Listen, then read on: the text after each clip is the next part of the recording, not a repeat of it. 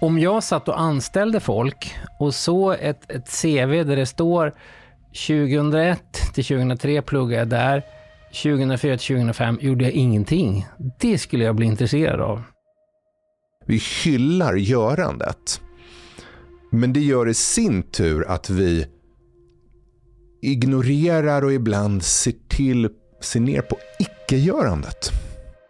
Hur kan man bygga in luckan, gläntan, glappet, sprickan i ens eget liv, om man är en privatperson eller ett företag till exempel. Hur gör man då? Hur ser man till att, att det finns gläntor? Jag heter Staffan Östlin, jobbar på Adrigo och vi presenterar Gradvall och Magnus. Eh, det här avsnittet heter Luckan och eh, i slutet av programmet tänkte jag berätta lite grann om hur man blir en bättre investerare genom att läsa romaner.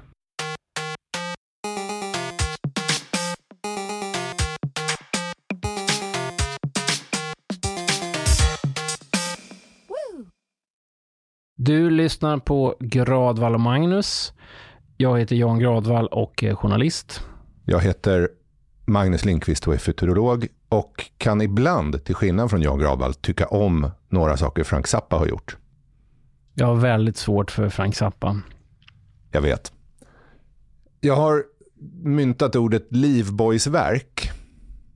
Och jag tänker så här att då och då i livet så har man kanske haft det svårt, man har varit ledsen eller kämpat eller allt har känts mörkt.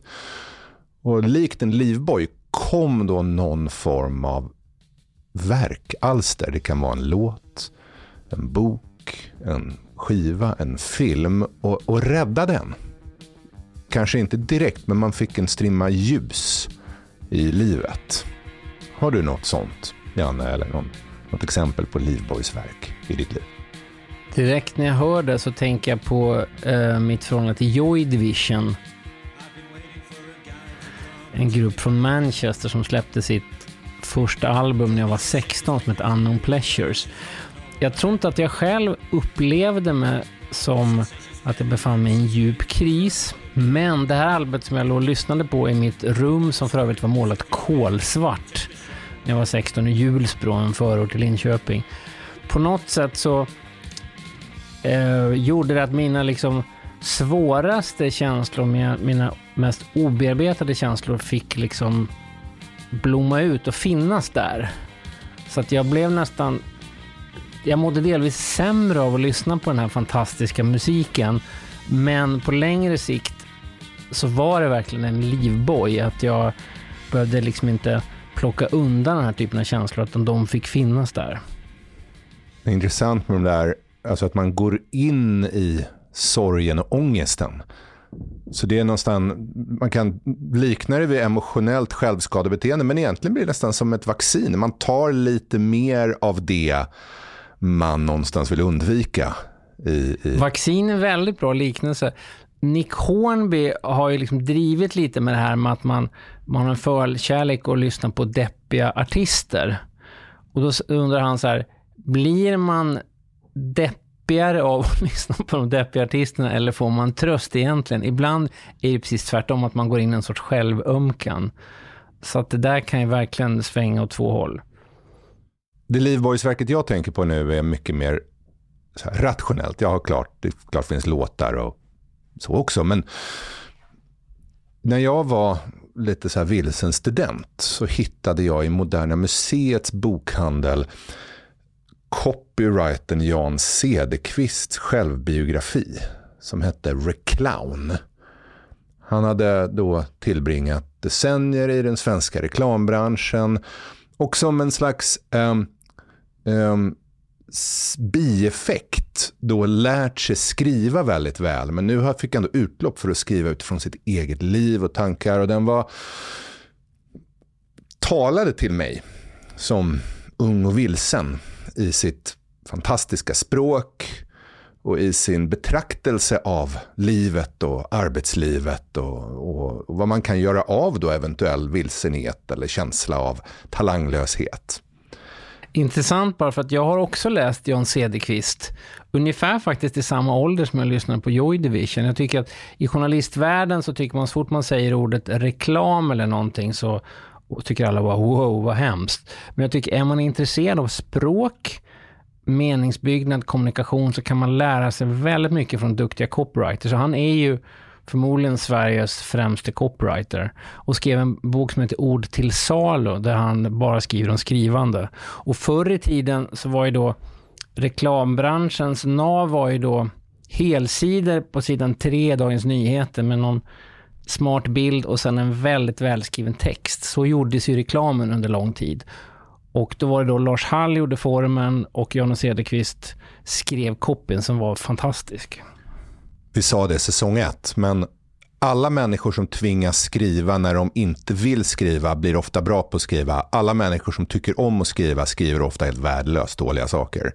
Hur som helst, i reclown boken, så fanns det en modell som väldigt många människor brukar prata om och kopiera och, och tänka på. Men han pratade om vad är bra reklam? Och då sa han att en bra reklam det är som en cirkel där man lämnar en bit av cirkeln öppen. Man lämnar alltså en lucka i cirkeln. För då tvingas människor själva sluta det gapet.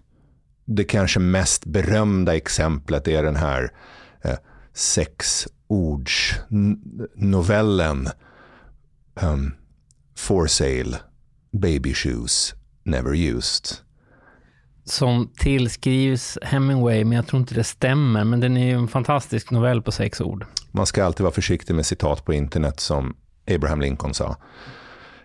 Men det är den här luckan, för jag tänkte det, det, det är inte bara reklam det handlar om. Det handlar ju väldigt ofta om, om livet. Om vi börjar i konsten så kan vi ta två science fiction-filmer som exempel. Slutet på Stjärnornas krig är som en liten fin rosett på filmen. Det är en stor parad, eh, de får medaljer, eh, det är pampig fanfarliknande musik och alla som ser förstår nu är filmen slut och det slutade bra. Vilket gör att man tänker nästan aldrig på slutet på Star Wars. Stanley Kubricks 2001, ett rymdäventyr. Slutet på den, när en man ligger i gammal ålder i en säng och det flyter omkring en bebis i ett väldigt märkligt rum som är ljussatt underifrån. Det är alltså lampor i golvet, inte i taket. Och, och Det är verkligen cirkelns öppna lucka gör att det slutet tänker man på väldigt ofta. Och, och Man kommer tillbaka till och funderar. och Det är inte det enda exemplet, men det är ett ganska tydligt exempel på att lämna en lucka Istället för att lämna en stängd dörr så lämnar man en öppen dörr som är fallet Kubrick då.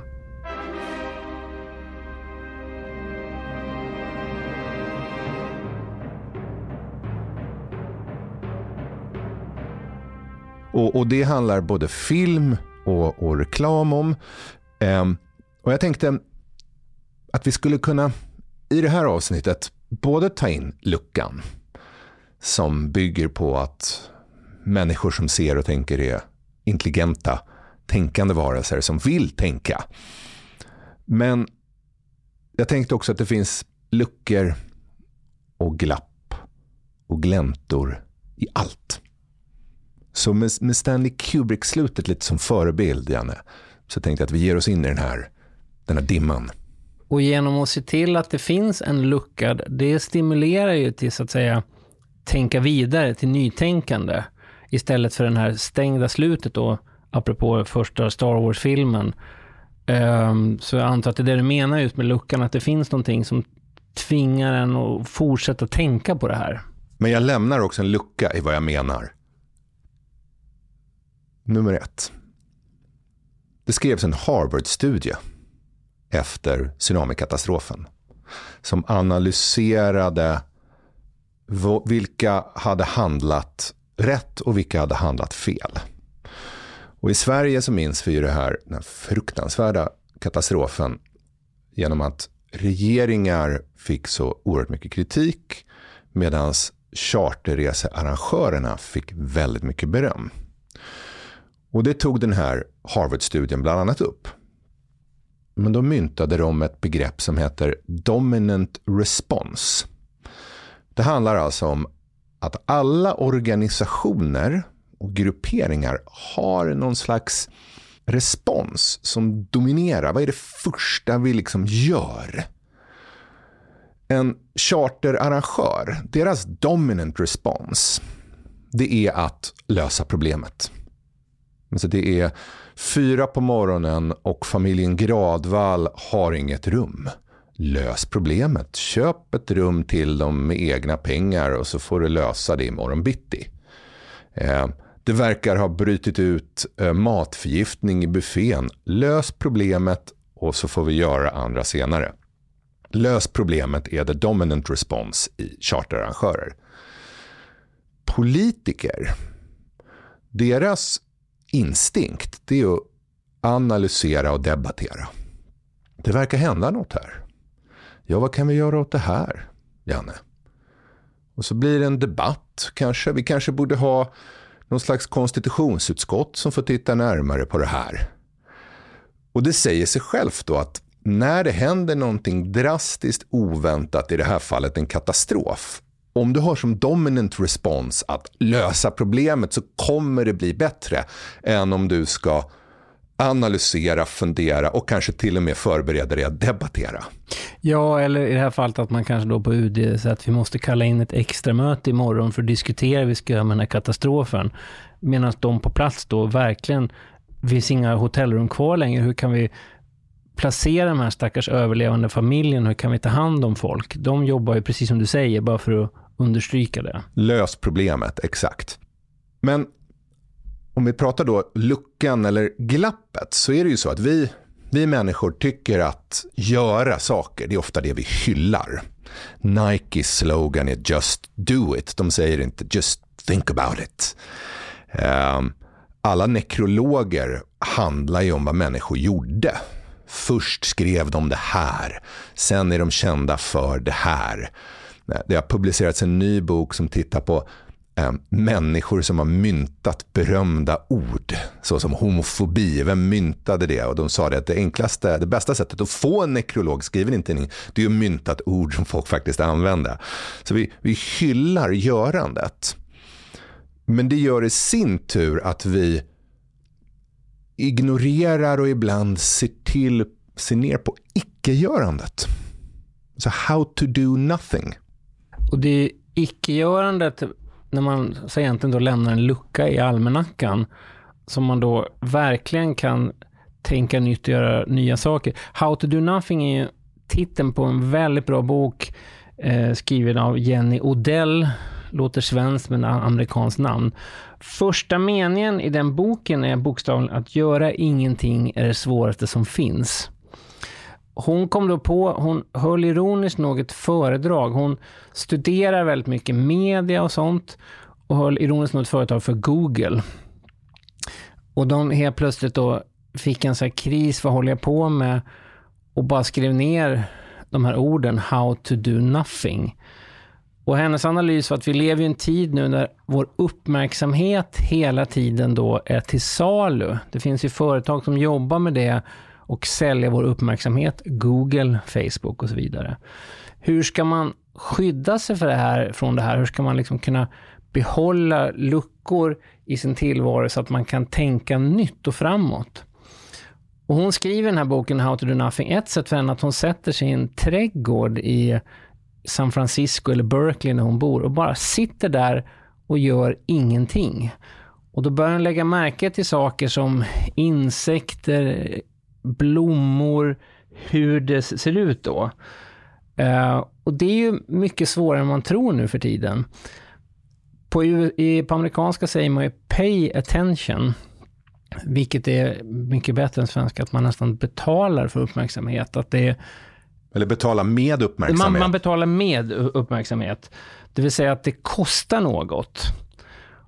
Och då blir det ännu viktigare just nu att se till att man styr över sin uppmärksamhet. Att inte all ens uppmärksamhet slukas upp av andra, som det ofta gör med en smartphone i handen till exempel. Uppmärksamhet är ju en, har ju två filer. Det vanligaste sättet vi tänker på det är uppifrån och ner. Jag letar efter något, jag tittar på något, jag fokuserar på något. Och om jag tolkar det rätt så det Jenny Odell vill är att vi ska låta den åka nerifrån och upp upp. Saker ska fånga din uppmärksamhet. Humlor, bin, lätet. Du eh, hade ett väldigt fint citat eh, som jag tror kommer från Jenny Odell men som jag brukar ta med mig som du har sagt. Silence is not the absence of something but the presence of everything. Exakt så. För att ibland undrar man ju, om man tittar på sin egen dag, vad är, vad är egentligen jag intresserad av? Vad har jag för tankar? Många dagar så vet jag inte det, för jag blir så uppslukad av vad andra vill få mig att göra, av andra intryck. Så det är rätt svårt att gå in i sig själv och, och bara känna, vänta nu, vad vill jag göra egentligen? Och det är precis den typen av tomhet som har förmodligen utvecklat det jag håller på med. Att jag hade så mycket luckor i min tillvaro när jag växte upp. Så att jag verkligen fick gå in i mig själv och tänka, vad, vad vill jag göra? Mm. I um, säsong två av The Crown och även i efterföljande säsonger så pratar ju Elizabeth väldigt mycket om det här. Frustrationen över att hennes roll i ämbetet är att inte göra någonting alls. Och då får hon ju en liten föreläsning av sin mamma. Som berättar att göra ingenting alls är faktiskt det svåraste som finns. It doesn't feel right as head of state to do nothing. It is exactly right. Is it? But surely doing nothing is no job at all. To do nothing is the hardest job of all, and it will take every ounce of energy that you have. To be impartial is not natural, not human. People will always want you to smile or agree or frown, and the minute you do, you will have declared a position, a point of view, and that is the one thing as sovereign that you are not entitled to do.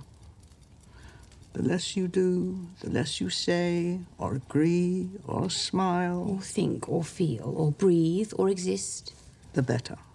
Om vi tänker på att vi lever i en kultur som hyllar görandet, så, så blir ju icke-görandet, ser vi knappt ett ord för det, väldigt svårt att föreställa sig. Kanske bästa exemplet är ju Titanic. Detta så utskrattade exempel på mänsklig hybris. Det var osänkbart att titta vad som hände. Men Titanic byggdes osänkbart. Man hade så många såna här kammare i kölen som ska kunna absorbera stötar. Så det var fullkomligt omöjligt att alla skulle kunna ta in vatten. Men det byggde alltså på att Titanic kör in i någonting framifrån. Så om Titanic hade sett isberget eller besättningen och sagt, nej men gör ingenting. Gör ingenting. Då hade några människor dött. Vi hade haft lite brutna ben och sådär. Men de hade inte sjunkit. Men eftersom det går så emot instinkten och besättningen så säger man isberg föröver, väj undan. Det var ju så stort det här fartyget så det har en väldigt långsam då svängradie och svänghastighet. Vilket gör att när de kommer fram till isberget då har de exponerat hela sidan mot det och det skrapas upp. Det vill säga genom att göra någonting så sänkte de fartyget. En annan parallell är den svenska Formel 1-föraren Ronny Pettersson. Som var en, han var en av de stora idolerna på 70-talet. Det var Stenmark, Borg, Ronnie Pettersson ofta det pratades om. Och Ronnie Pettersson dog tragiskt nog i en olycka på Monzabanan. Och eh, det som hände här var alltså att han fick benen i princip krossade av den här eh, kollisionen. Men levde. Och då tog man in honom på sjukhus och då var instinkten i sjukvården det här är så allvarligt, vi måste operera direkt. Och Det som då hände var att benfragment. För att man började direkt tafsa på benen och jobba med det här. Så, så släppte benfragment och blev som blodproppar. Så han dog nattetid av blodpropparna. Idag vet man det. Så det som ofta händer om någon är väldigt svårt skadad är att man inte gör någonting första dygnet. Man kan lägga dem i konstgjord koma eh, man väntar in, och framför allt om det är väldigt svåra frakturer. Men det säger sig självt att den här personen är så svårt skadad. Vi gör ingenting. Det låter fel. Det låter inte som att det stämmer. Det här är jätteintressant för att ibland kan även kroppen ta de här felbesluten. Jag gjorde under många år ett projekt för Svenska sällskapet för medicinsk forskning som samlar in pengar och delar ut till forskare i Sverige så de kan hålla på med olika projekt. Och mitt jobb var att åka runt och intervjua forskare och sen presentera det i korta texter för att skapa medvetande om SSMF som det förkortas. Men en intervju, jag kommer ihåg, nu kommer jag inte exakt ihåg detaljerna, men vid traumaskador, att någon är med om en bilolycka, kanske en arm flyger av eller någonting, så kommer man ju då till akuten och akutvården är så bra nu så att man kan lösa det, det, det, det, mesta egentligen. Det går ofta väldigt bra. Problemet är bara att kroppen vet ju inte om att det finns en akut att, kö att köra till. Så att kroppen tänker, vi måste göra någonting, vi stänger av njurarna. Eh, för att bara rädda blodflöden och sånt. Så att problemet är då att man räddar patienter som har fått svåra blödningar, men deras njurar pajar för att kroppen stänger ner dem. Och då hade den här forskaren forskar på hur kan vi göra för att lära kroppen att stänga inte av njurarna så att man slipper njurskador. Vi kan kalla det för sladd i pöl-fenomenet. Det är instinkten när man får sladd i en vattenpöl. Det är att börja ratta upp. Men du ska ju bokstavligen inte göra någonting alls. Åk med. Små rörelser. Det här kallas ju, det finns ett väldigt så fint begrepp i, his, i, i, i histori, historiografi, förståelsen av historia, som är conjecture. Conjecture betyder alltså att vi vet vad som hände men vi vet inte vad som hade hänt om någon hade gjort något annat. Ett tydligt exempel på det här om vi tänker på som är nästan en kombination av trauma, olycka och katastrof. Det är 11 september.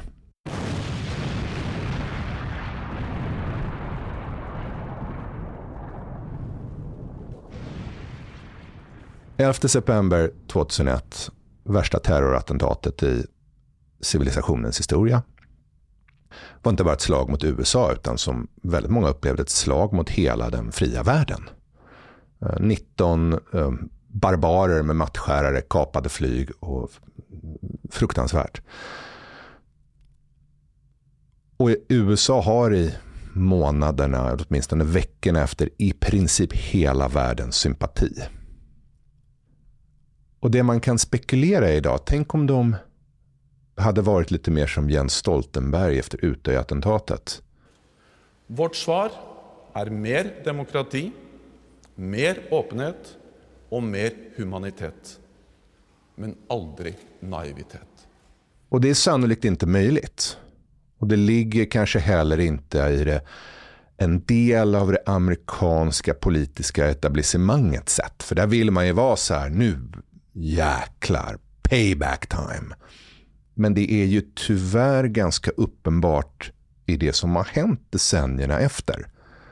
Att liksom återbetalningen, hämnden om vi ska kalla det för det, straffet kom tillbaka och bet USA på så många olika sätt.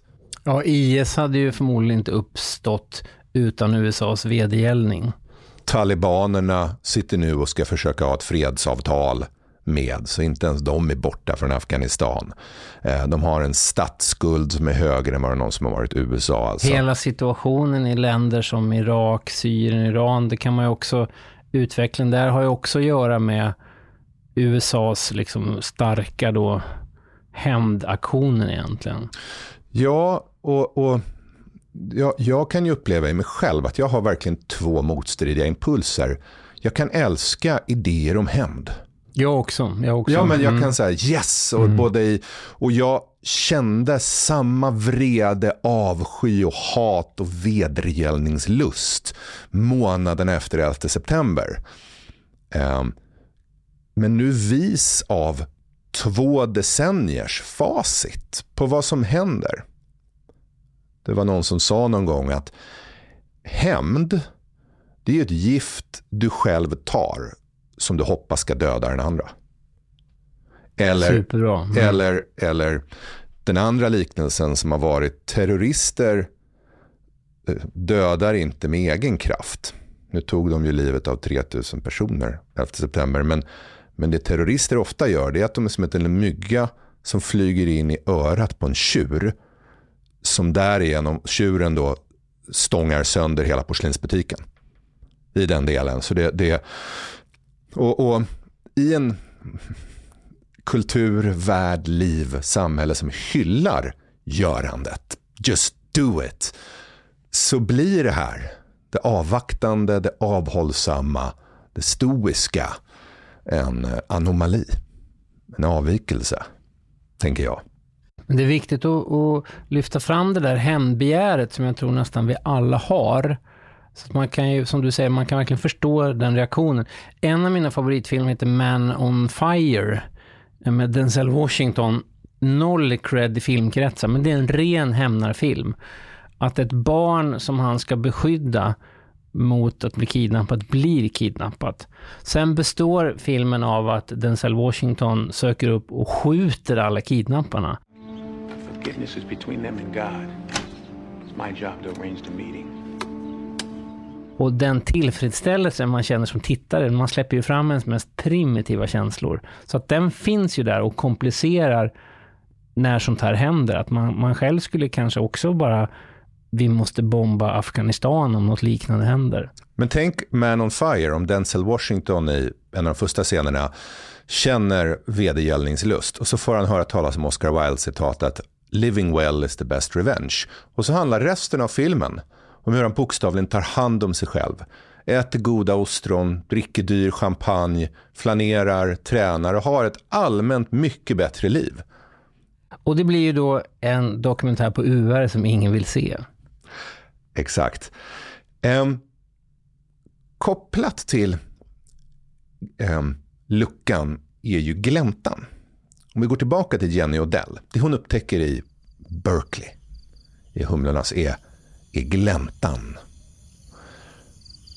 Och jag brukar tänka på att det finns såna här ögonblick där, där någonting landar i en, och på en och med en. Ibland leder de ögonblicken till någon form av skapelse.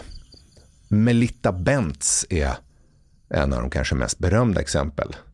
Ganska uttråkad Hausfrau i Tyskland som en morgon runt frukostbordet tittar på sumpen längst ner i kaffekoppen och tänker det där borde man göra någonting åt.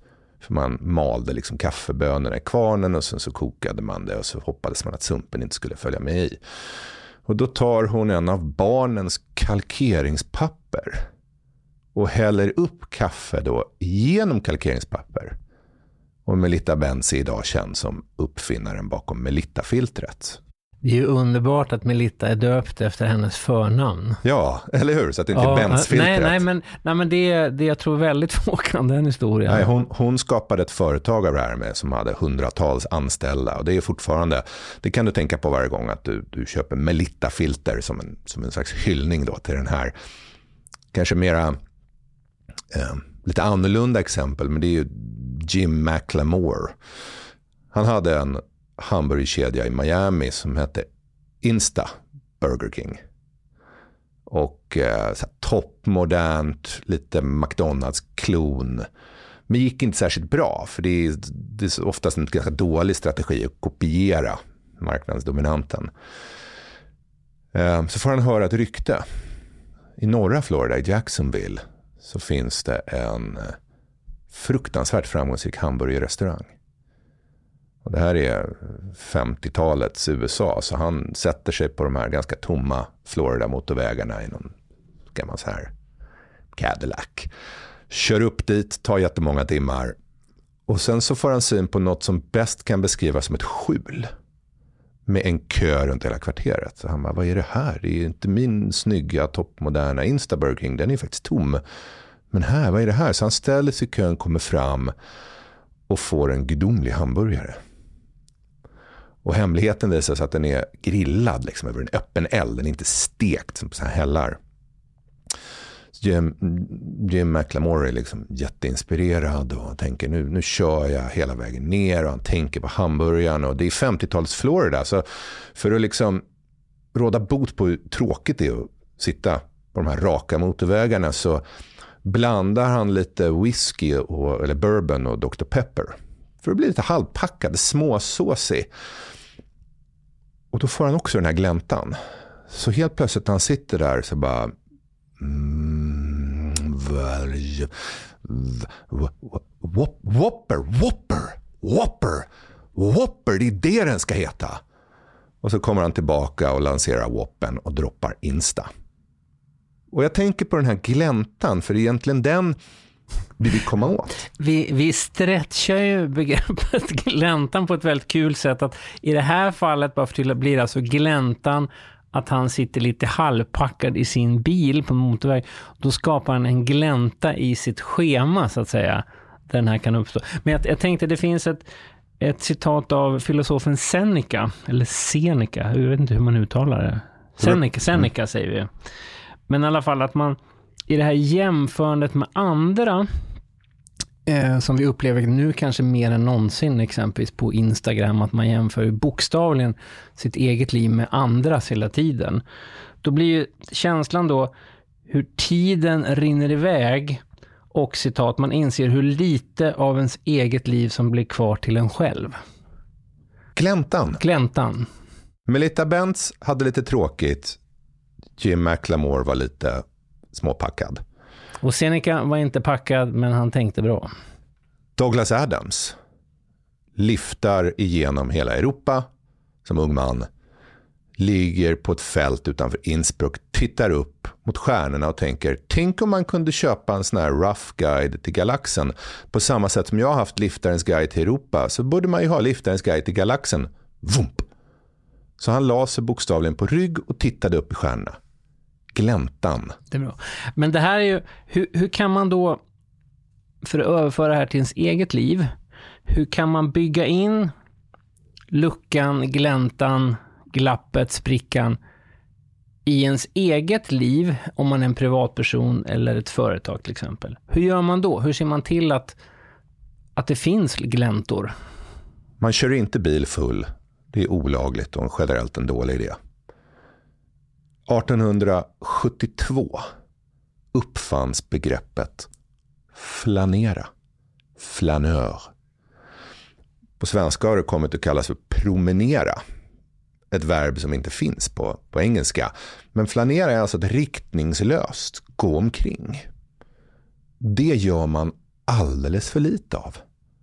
I det här senekanska livet med schemaläggning, möteseffektivitet, eh, agila processer etc. så blir vi väldigt dåliga på flanerandet. Så aktivitetsbaserade arbetsplatser som har varit liksom, sista skriket de senaste tio åren i kontorsbyggnation bygger på en slags effektivisering av yta och man ska kunna komma in på morgonen och ta sin plats någonstans. Man bygger liksom inte kontor för att kunna flanera omkring i.